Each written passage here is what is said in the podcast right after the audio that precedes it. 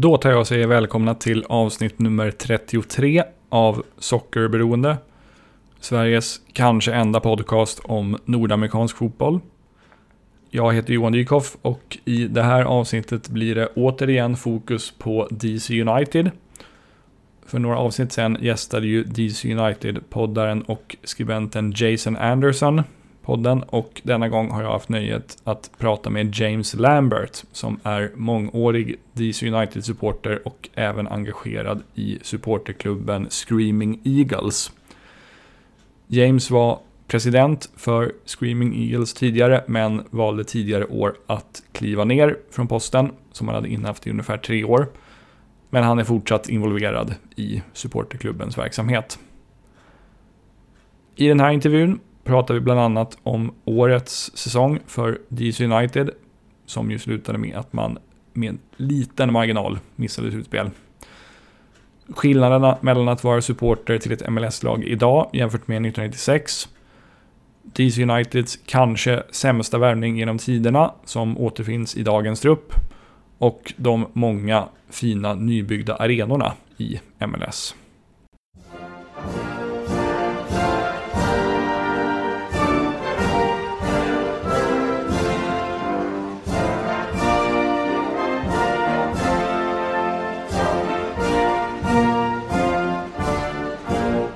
To start off, uh, this interview will obviously primarily be about DC United and the Screaming Eagles. But since this is a podcast based in Sweden, I would like to know what comes to mind for you when you hear the words Swedish soccer.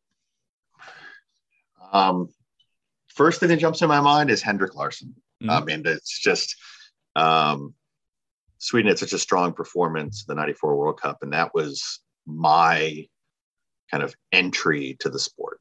So like I would not not to the sport in playing. I played all growing up, but as a spectator, we just didn't have it on TV all that much. And I was actually in Germany on a on an exchange um, while the '94 World Cup was going on in the U.S. And so seeing kind of that level of engagement um, with the game, looking back at at um, at my own country, kind of hooked me. And mm-hmm. so then I like associate that Swedish team very strongly, kind of with Swedish football overall um, because of just you know the success of that kind of uh, initial form. Of course, yeah. It, it's fun that you mentioned the '94 World Cup because that's that's probably one of the I would say it's if not the biggest like sporting uh, achievement in Swedish history. It's pretty damn close, at least yeah. finishing third. So uh, definitely. Um, and if I'm not mistaken, the only Swede to ever play for DC United is Axel Sjöberg, who played two games for DC United yeah. last year before being exactly. released. Very, very, very. We kind of picked him up for uh, the very tail end of the season. From I think he's been with Colorado and Columbus before. Um, but yeah, so we, we, you know, we we don't have that glorious legacy at our club, fortunately. no, exactly. Um, but but there are some like connections between DC United and Swedish soccer. However, for instance, uh, Charlie Davies he uh, started out his uh, professional career in Sweden, and uh, uh, David Ousted, uh, the former keeper, he's with Hammarby, my favorite team. yep, now. I think he just retired. I think yeah. I just saw like he just retired like two days ago. exactly. yeah, he's he's actually on the bench as we speak for, for oh. the la- last game of the season. I hope I really hope that he would get get to play his final game, but it doesn't seem like it. Hammarby are winning though four one oh. at the, at the well, moment. Yeah. um, and also like Markus Halsti, he was signed from yes. um, Sweden. Uh, Brendan Hines played in Sweden. So yeah, on. I mean those guys. I mean, Hallsty never got a fair shake at DC. He's a good. Mm-hmm. He was a good player. I, I think he was a good player. Um, and he uh, came through the club at a time where I don't know. Our manager just preferred the high work rate players, um, and not to say that he didn't, but um, you know, a little, little more value of running than than uh, skill on the ball. And I think that disappointed a lot of us at the supporters at the time. Yeah. Um, let's see. Moving on to some questions about you and your like DC United fandom. Uh, may I ask you how old you are and when uh, and where you were born and raised? Uh, so I'm I'm 42. Uh, I was raised here in the Washington D.C. area in suburban Northern Virginia, so about 30 minutes from the city. Um, okay, that's from the city. So you know, in the metropolitan area, uh, my fandom goes back to 96 when the team started. Uh, as I had said earlier, mm. 94 World Cup kind of got me hooked on soccer as a spectator sport. And when the team came in 96, I kind of, you know, jumped in right away. Um, and we were lucky that we won three out of the first four titles. So uh, it made it very, I, I actually maintain that in many sports that like if you come to a team and they happen to win a title in the first like year or two you follow, you're you're hooked for life. Like you yeah. can't uh, get out of it. And um, that was the case with me in DC United. Uh, I I couldn't have back then realized how good those teams were. I mean, not just in terms of our league, but even in continental competition.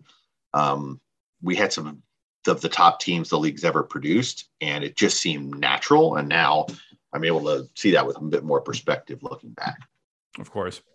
Can you describe how being a fan of an MLS team in 1996 is different compared to being a fan of uh, being a fan in 2021? Wow. Um, in so many ways. I mean, it was a it was a very niche sport in 1996. Um, and people were excited to have a league and they were going to try it out, but you just didn't have I mean, heck, there wasn't an, there wasn't an established American style of support. There wasn't like we didn't know we didn't know what we didn't know. um, we, we like we were the there was a much less accessibility to the game globally um, on TV and media. Um, and so we didn't have that to compare it to. And we were kind of developing all of the culture around the game here.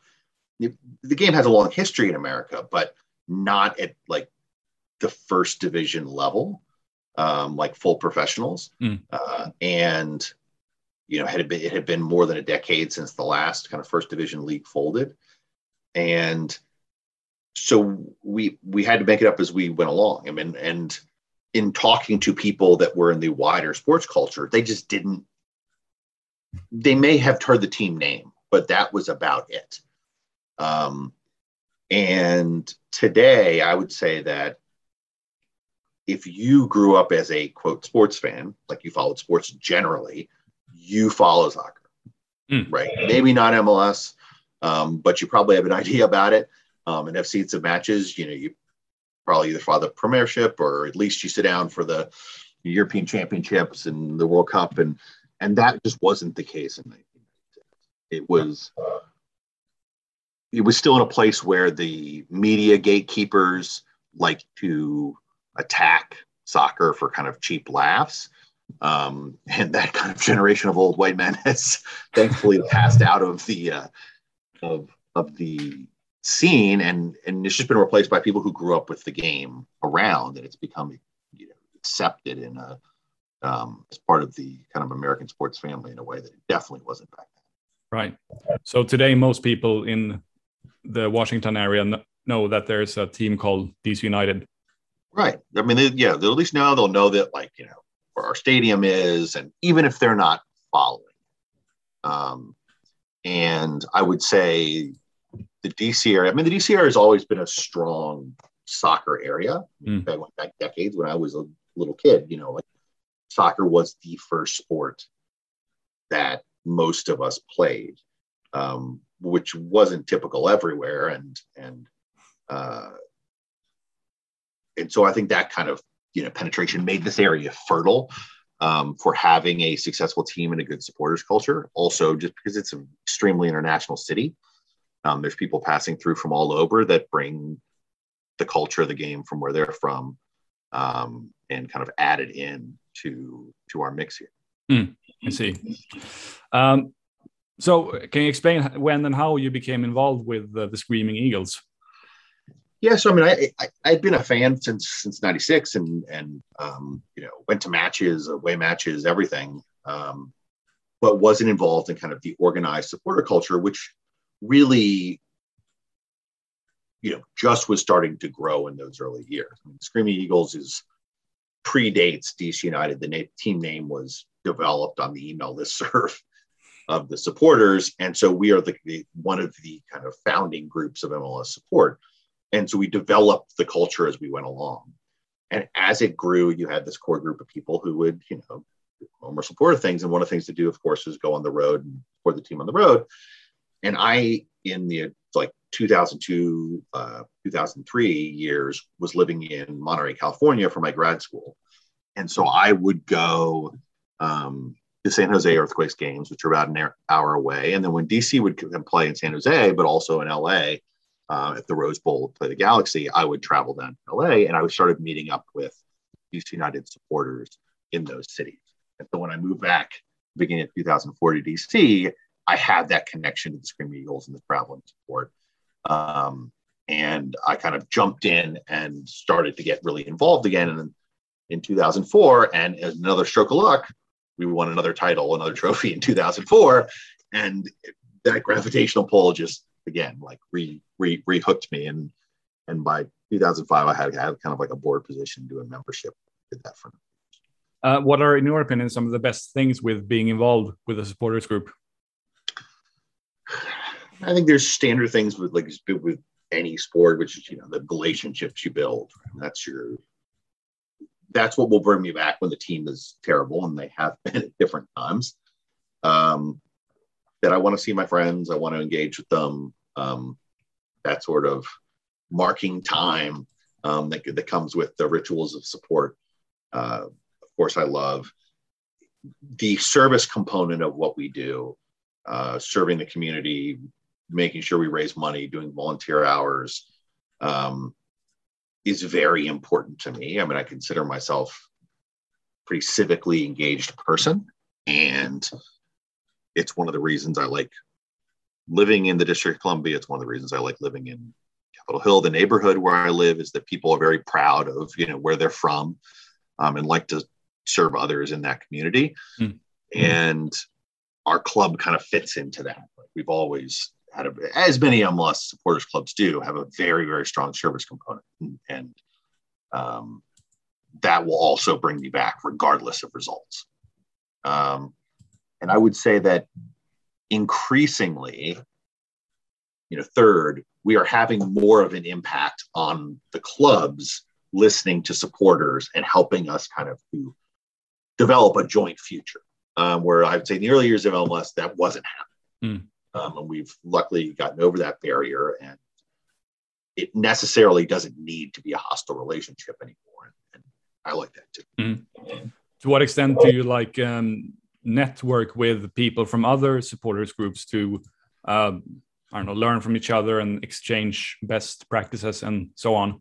A tremendous amount. I'm, I'm actually wearing my it's called soccer um, Independent Supporters Council shirt today, uh, which is uh, the Independent Supporters Council. You may have heard from other people mm-hmm. is, the umbrella organization for supporters in North America. Um, I'm super involved in that. Uh, it's one of the greatest things is that if I am up watching an MLS match late on the West Coast, I have friends on Twitter from all over North America that we're going back and forth and discussing kind of from a neutral's perspective what's going on. And it has made way travel. I mean, I was always comfortable going, you know, me, just me to a match sometimes, but it has made that away travel so much better that I can go and spend time with my friends in the cities. Uh, I'm actually going tomorrow to the Eastern Conference Final in Philadelphia. Oh. Philadelphia is about two hour drive from us, from where I am, and and I just have so many friends, both national kind of media people, and then also New York and Philadelphia supporters that I'm just going to go up to tailgate and go with a friend of the match, um, and and then that's wonderful. And I, I would say the um, there's a there's a phrase that I, I, think came out of the, the Minnesota supporters that they like kind of say drink 90 drink um, which is the the uh, you know before and after the match you're all you know on the same side, and during the match you're not. Yeah. But um, but keep that spirit of camaraderie, which which does go back to the earliest days of MLS support um, as part of the culture. And yeah, I, I really like that. Speaking of Minnesota, do you know or at least know of Sam Solberg? Yeah, Sam's a Sam's a good friend. Yeah, um, she, has been on this podcast. Oh, cool. Yeah. yeah yeah, definitely, definitely a good friend. Um, I went out and, and, spent a lot of time with her husband uh, years ago when I went to see match in Minnesota. Uh, a beautiful, it's a beautiful stadium there in St. Paul. It, it, it, stop for people if they're traveling. I agree. I was actually there in 2019, and I went to their second game, uh, and actually um, that was against the LA Galaxy, and then against DC United, which was their first win in that stadium. Oh, right. So then yeah. we were at the same match. That was, oh. that was at that 2019 match. Yeah, the one we like we lost one no. Um, so so yeah, that's that's really cool. Yeah, it's it's one of my favorite stadiums in the league.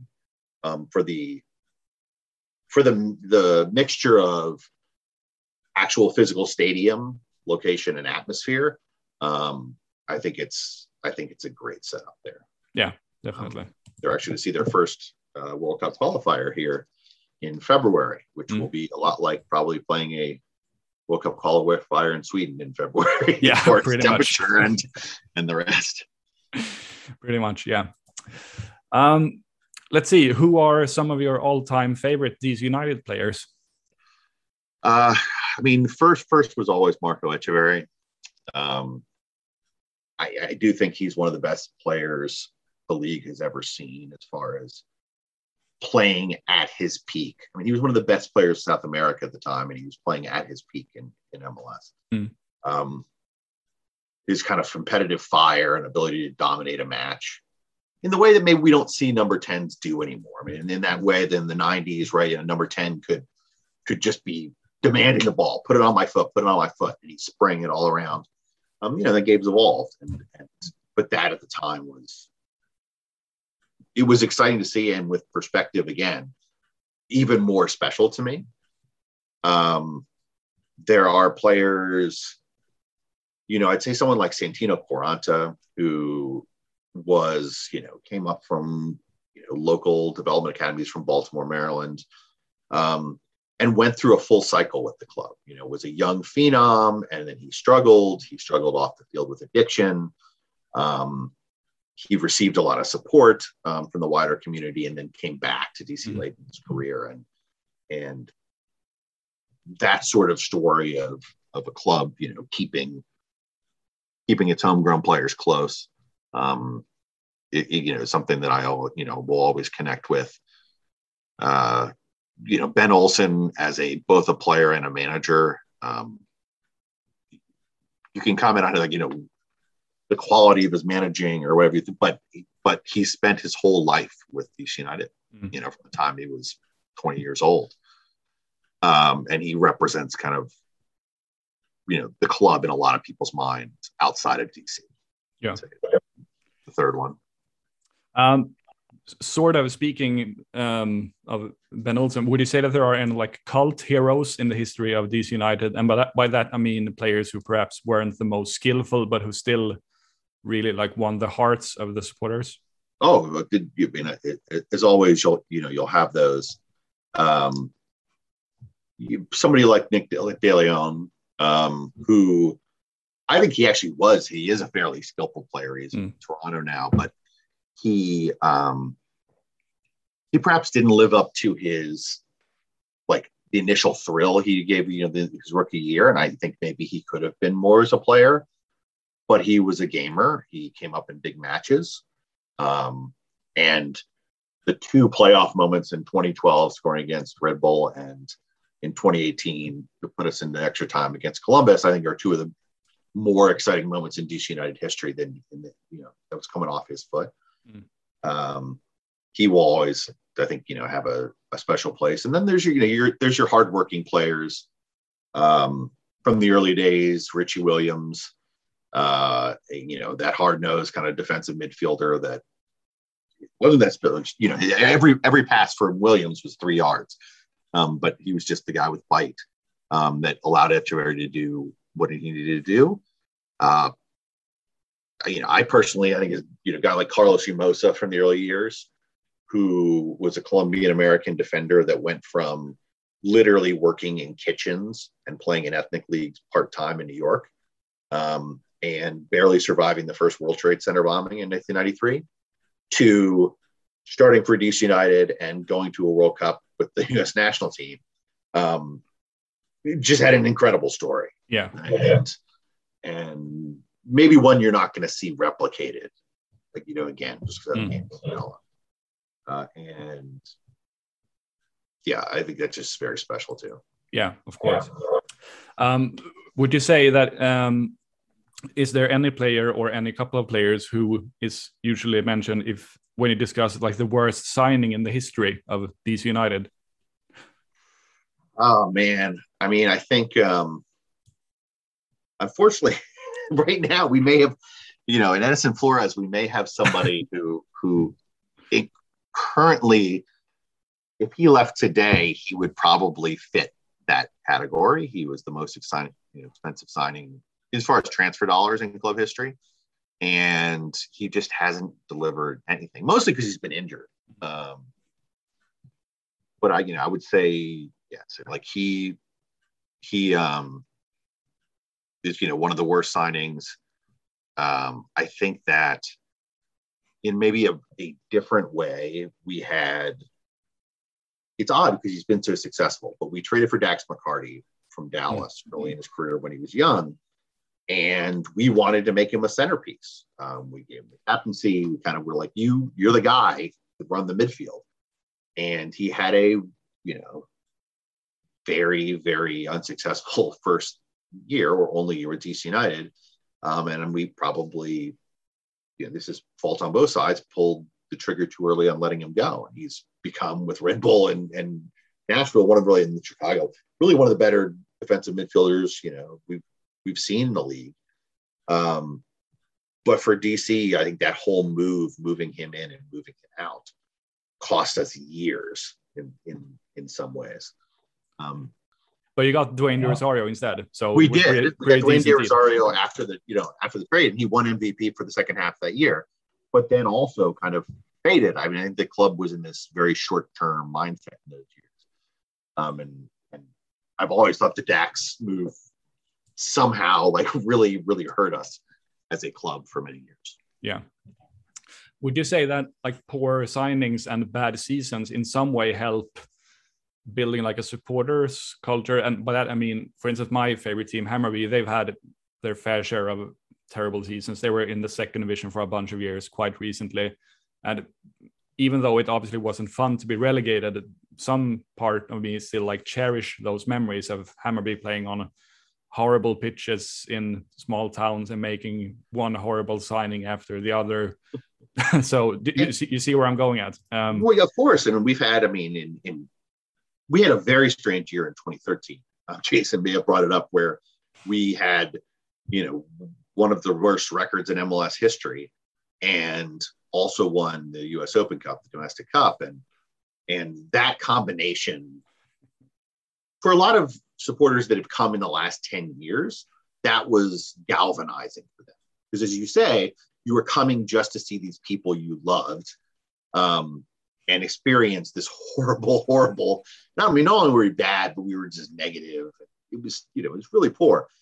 Um, but then somehow making this run to win a, a you know, domestic cup um, was strange. Um, it was a very strange uh, year, and yeah, I agree that that you. I don't say you find out who your friends are, but you find out who the people that are like most dedicated are, and those are the people when things get bigger and exciting again that you can rely on to kind of do the work that supporters culture requires. Yeah, exactly. Um, moving on to, to this year's season, DC finished in eighth place in the Eastern Conference. Uh, would you say that was a disappointment?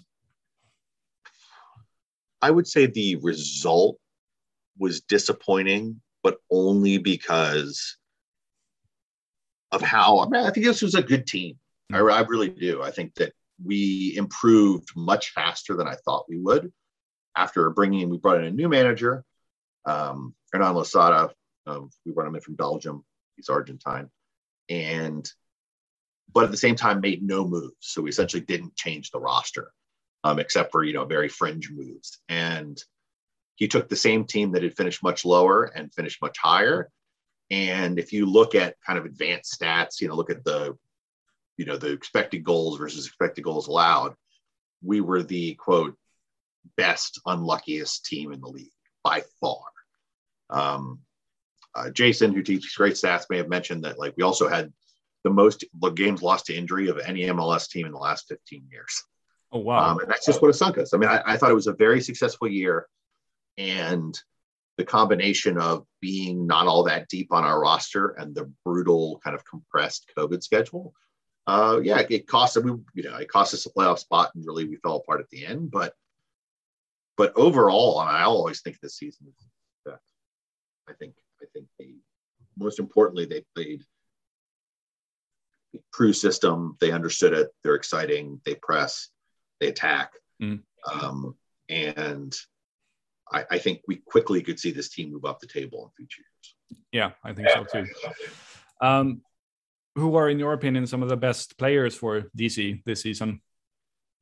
Uh, I mean, I think Andy Najar was, I mean, you know, what what's going to become, I think, a you know, iconic story for DC United is this is a man that also had come up through our academy, um, played for the Honduran national team, had transferred to Anderlecht, um, and really was heading even for bigger things. And then injuries deeply derailed his career. He spent three to four years hardly playing. Um, and he came back to the US and LAFC picked him up and and he didn't stick there and still had injury problems. And a lot of us thought when we brought him in um, that he was, you know, this was going to be a hey, one less hurrah for Andy because he's a, you know, beloved, you know, academy developed kid. And one, he ends up being healthy almost the entire year. Two, Losada plays him in as part of a back three. And this is a guy who was playing, you know, wing back, right back, right mid, um, you know, and he starts playing on the right side of the back three, and he's turning into this attacking fullback. I mean, attacking center half. I mean, it's a very, it's a very right. You saw a very crazy set of circumstances, um, and just had a really a wonderful year. Made this team go on a lot of ways.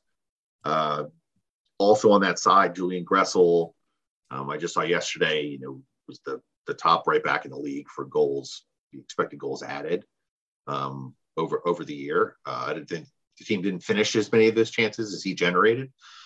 Uh, he had a great year. I mean, I look around. There's a lot of Kevin Paredes, left wing back coming out of our academy. Uh, just got called into the the national team for the first time for a December friendly. Uh, showed that while we knew he had that kind of flair on the ball going forward, that he also has a lot of bite, and that left back could be a position where he could stick long term and play at a higher level. Yeah. So, you know, a lot of good. Uh, um, I think Brendan Hines-Ike, for the time he was healthy, is, a, is the, you know our only signing in some ways, uh, was was very successful as well and as a player we can rely on in the future. um, apart from Edison Flores, is there any anyone who you expect more from next season? Yeah, where I expect more is I expect more in the health of players. I think that Losada has been very clear that he expects high levels of fitness from his team, and he and his his druthers are to play fully healthy players, not players at 75%. Mm. And in order to do that, he expects them on their own to, with their guidance, but like to have a better diet um, and take care of themselves, you know, in their recovery away from professional settings as well and in the off season. He's the only way staying healthy. And I think you can see the results in somebody like Najar um, and when they gave him the time and tools, and he took the responsibility himself also uh, to remain healthy. And a lot of this team has not been able to do it, and this is a problem for many years at DC United. And I expect a lot more out of players, not only per, not really in performance terms. I know a lot of them can deliver in performance terms, but they got to stay on the field. And and that's where I think we're going to see an improvement immediately next year. Also, just with a more forgiving schedule. Yeah, exactly. Yeah, but uh, correct me if I'm wrong. The season will start will start uh, like in late February because of the World Cup. Correct. Yeah. Correct. And it'll run to just before the World Cup, the beginning of November next year. Um, so a little bit earlier, but just you know, last year remember we had that late start, and so every it, it wasn't just the late start, but all the international windows led us to this brutal September and October crunch where every team in the league was playing every three days. And it really, to me, was unfortunately, as a spectator, was more of a sense of survival, like who could survive and stay healthy, than it was who was playing best at that, you know, at that moment. Um, I think we've seen it even in the playoffs that, you know, there have been numerous important players that have not been able to stay on the pitch, and and um, it's led to a little more random outcomes than we've seen in in previous years. And uh, I, next year, I just hope really it looks like we're by what they promised us from the layout of the schedule that we're not going to have those, you know, seven, eight midweek matches um, all the time from the league at least. Yeah. Um, you mentioned that you, even though DC United didn't make the playoffs, you still follow uh, playoffs and what's going on in MLS. Who do you think will win MLS Cup eventually? I mean, this is tough. I mean, I think what you know, teams left. I think NYCFC is the best team as far as both talent and form. Um, but there's a lot of uncertainty because of the suspensions. Um, if NYCFC was playing even in Philadelphia with their full team, I would think they're the favorites. But missing Taty Castellanos um, and missing Sands, perhaps, um, there's just there's a lot of uncertainty going into uh, who will be available. I mean, Philadelphia may be having this COVID crisis, um, which we'll see by tomorrow. I was I was chatting with Matt Kandezek, who's the president of Sons of Ben this morning, and he's like, I'm lighting candles, you know, hoping to see availability. Um, and then that goes on the other side with Portland, right? Like Portland at home would be a clear favorite, except Blanco's been injured, and um, you know they also have suspension problems. And I, I just I think it's what could happen in this conference finals could be very different than what happened in the final based on availability.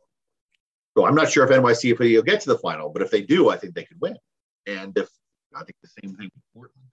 Um, but I'll I'll say um, I'll say Port I'll say Portland and Philadelphia. I think the suspensions actually are going to and injuries are going to catch up with NYC. Portland, Philadelphia, and I think Portland wins at home.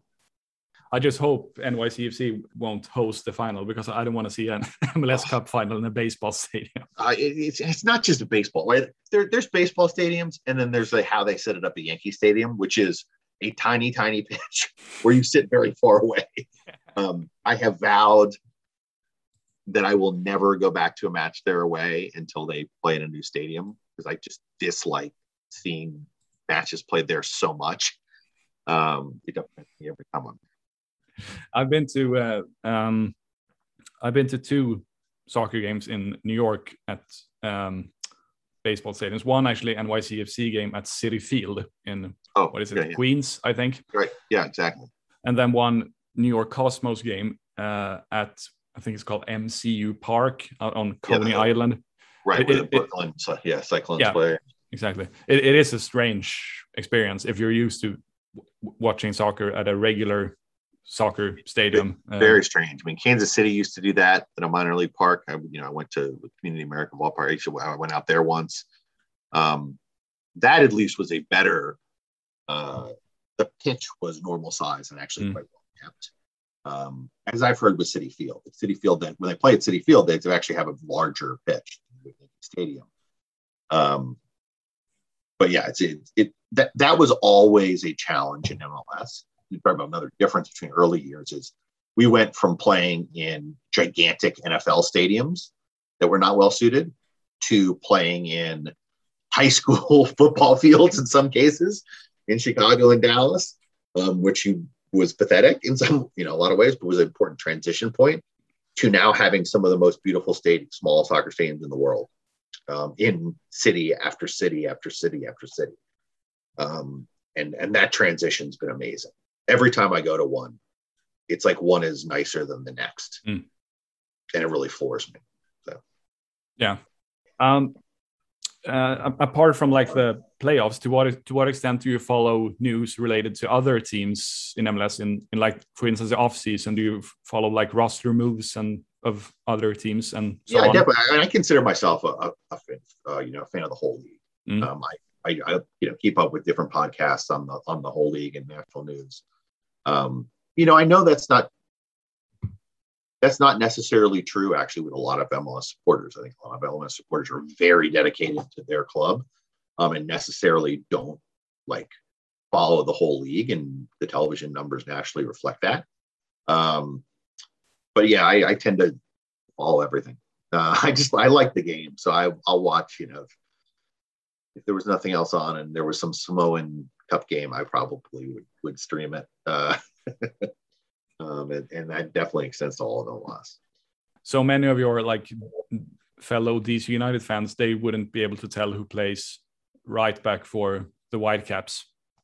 Pro- no, I think your point. I mean, certainly the most, the hardest core, yes. Mm. Um, but, but no, I think many people, even you know, they would have a season ticket to DC United and come to many many matches, yeah, wouldn't be able to tell you, especially the West Coast, that we don't see very often um, at home. Um, they necessarily wouldn't be able to tell you that. Um, I think that I think there's the, the, older teams. I think have a higher percentage of people that follow the league, um, just because we've developed with it, um, and necessarily the newer clubs have more new supporters that are completely new to the mm. sport, even in a serious way, and have less idea. So I think as a percentage, somewhere like Atlanta, right? Like you have a lot of people that are very, very passionate Atlanta supporters that necessarily don't follow kind of beyond that, um, which is fine. It takes mm. time. Yeah. Um, before we wrap things up, um, is there anything DC United or Screaming uh, Screaming Eagles related that you would like uh, to give a plug for anything that you want Swedish soccer fans listening to this to check out or know about? Um, well, yeah, always give this plug. We, we, we love away supporters, both from, from MLS and elsewhere. If you are in DC, we have a great stadium, Audi Field, that's in the city. You can see the U.S. Capitol from it. You can stay in the city. It is a good place to come visit. Um, and if you do come visit, get in touch with Screaming Eagles. We have a great tailgate free drinks for everybody. Uh, you know, it's actually partially indoors, even on the river, a couple blocks from the from the stadium. And we love to have you. I'll always plug that. We'll love people from around the world to stop in and just you know talk soccer and and, and hang out. Um, and DC is uh, it's a great city to visit right now beyond just the traditional monuments and museum, which is still great. Uh, but but there's the you know, if you're into you know, fine dining and food, there's amazing restaurant scene. So we all will always plug, you know, come to DC, spend a couple days, um, take in the culture, eat some good food, and, and see a match. And people can come to you and exchange Henrik Larsson stories, for instance. Oh yes, I you know there there's a numerous there's numerous I, I used to refer to like that I think though a lot of American soccer fans in the early days were like evangelical Christians and we had like a come to soccer story like what's your come to soccer story you know, when were you saved? Uh, and the 94 World Cup was like how many of us were saved?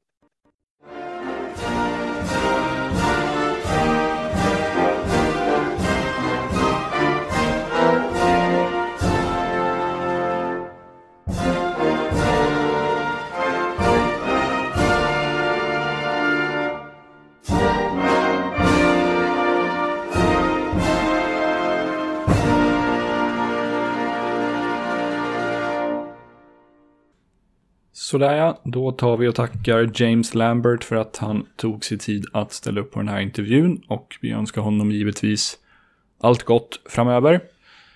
Eh, som ni kanske märkte, märkte så var det lite ljudstörningar under intervjun. Ibland så kunde man höra min röst i James eh, högtalare. Jag hoppades att det inte skulle höras i själva inspelningen, men så var det tyvärr. Men det var väl rätt så lyssningsbart ändå, tycker jag.